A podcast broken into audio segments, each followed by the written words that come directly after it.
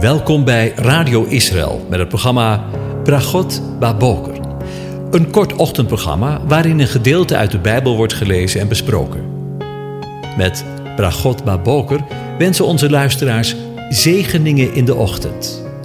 Presentator is Kees van de Vlist.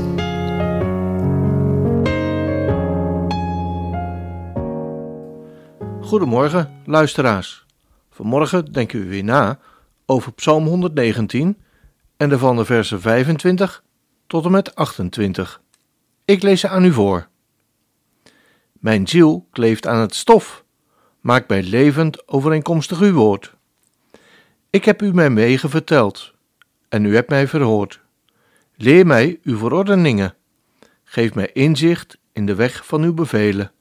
Dan zal ik uw wonderen overdenken.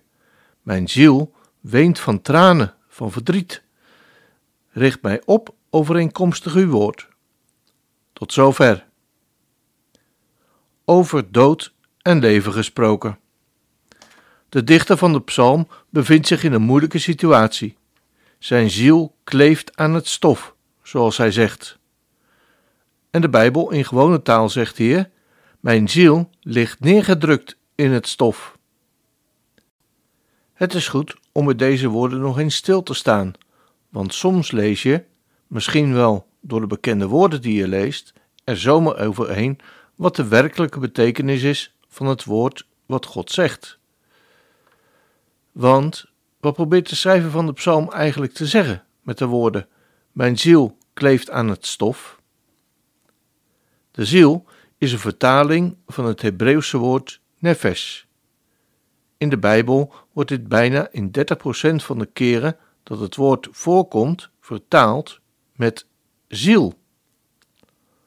Om een beter begrip te krijgen van wat de ziel van de mens is, lezen we in Genesis 49, vers 6. Jacob zei: Mijn ziel hebben geen deel aan hun beraadslagingen. Mijn geest sluit zich niet aan bij hun vergadering, want in hun toren hebben zij mannen gedood. Met andere woorden, Jacob wilde geen deel hebben aan de beraadslagingen van enkele van zijn zonen, omdat hij in zijn hart of in zijn geweten aanvoelde dat de plannen die zij beraamden fout waren. Maar het woord nefesh wordt ook vertaald door leven, woede, lust of ik. De nefesh van de mens betreft dus zijn emoties, zijn wezen, zijn ik. We lezen de tekst nog eens. Mijn ziel kleeft aan het stof. Maak mij levend overeenkomstig uw woord. Stof en as zijn bekende bijbelse beelden voor iets dat van weinig waarde is. Dit is heel duidelijk in Genesis 18, vers 27. En Abraham antwoordde: Zie toch, ik heb mij verstout tot de Heere te spreken, hoewel ik stof en as ben. En zo komen we misschien wel wat dichter bij de betekenis van wat de dichter bedoelt met zijn woorden: Mijn ziel kleeft aan het stof. Hij beklaagt zich erover dat hij met zijn hele ik, zijn hele wezen, met zijn emoties gericht is op het vergankelijke. Dat wat geen werkelijke waarde heeft. En zo komt de tekst van morgen weer heel dichtbij, akelig dichtbij.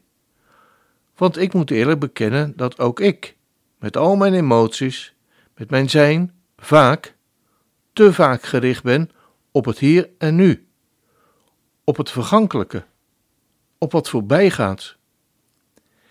In dat licht is het vervolg van de tekst nog meer confronterend. Maak mij levend, overeenkomstig uw woord. Vragen om levend gemaakt te worden kan alleen maar plaats hebben door iemand die dood is. De dichter van de psalm is er dus achter gekomen dat hij met zijn hele wezen hangt aan het vergankelijke. En hij vergelijkt zich daarmee of hij vereenzelvigt of identificeert zich mee met een dode. Tja, als we hangen of kleven aan het hier en nu, ons huis, onze carrière, onze auto, onze vakantie, ons gezin, ons leiderschap in de kerk, onze status, dan zijn het allemaal dingen die voorbij gaan, vergankelijk, stof, zoals de tekst vandaag zegt. En dan zijn we zo dood als een pier. Maar daar eindigt het niet mee, want er is hoop. God biedt altijd weer een uitweg, een nieuw begin, een nieuwe dag. God geeft ons niet over aan onszelf, maar wil ons levend maken, overeenkomstig zijn woord, zoals we hebben gelezen. Zijn woord biedt uitkomst om boven de misère van dit leven uit te groeien. Uw woord is een lamp voor mijn voet en een licht op mijn pad, zegt dezelfde schrijver van Psalm 119 in vers 105. Ik moet denken aan de woorden van een oude Bijbelleraar, die me leerde om wanneer je op zoek gaat naar de intentie van een bepaald Bijbels begrip of woord, je terug moet gaan naar de eerste keer dat het woord of begrip in de Bijbel genoemd wordt. En dan komen we terecht bij Genesis 15, vers 1, waar we lezen: Na deze dingen kwam het woord van de Heere tot Abraham in een visioen. Wees niet bevreesd, Abraham. Ik ben voor u een schild, uw loon zeer groot. Dat is mooi, er is hoop. Maak mij levend overeenkomstig uw woord. En dat woord zegt vanaf het allereerste begin: Wees niet bevreesd. Ik ben voor jou een schild, je loon zeer groot.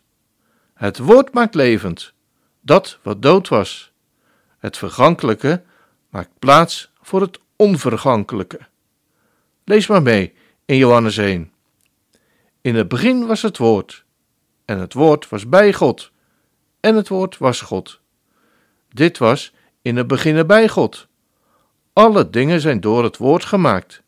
En zonder dit woord is er geen ding gemaakt dat gemaakt is. In het woord was het leven. En het leven was het licht van de mensen. Ik herhaal het laatste nog een keer. In het woord was het leven. En het leven was het licht van de mensen. Ik wens u een van God gezegende dag toe.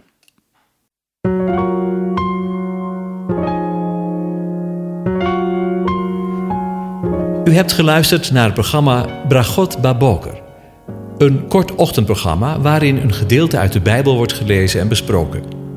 Wilt u het programma nog eens naluisteren, dan kan dat. Ga naar radioisrael.nl en klik onder het kopje radio op Uitzending gemist.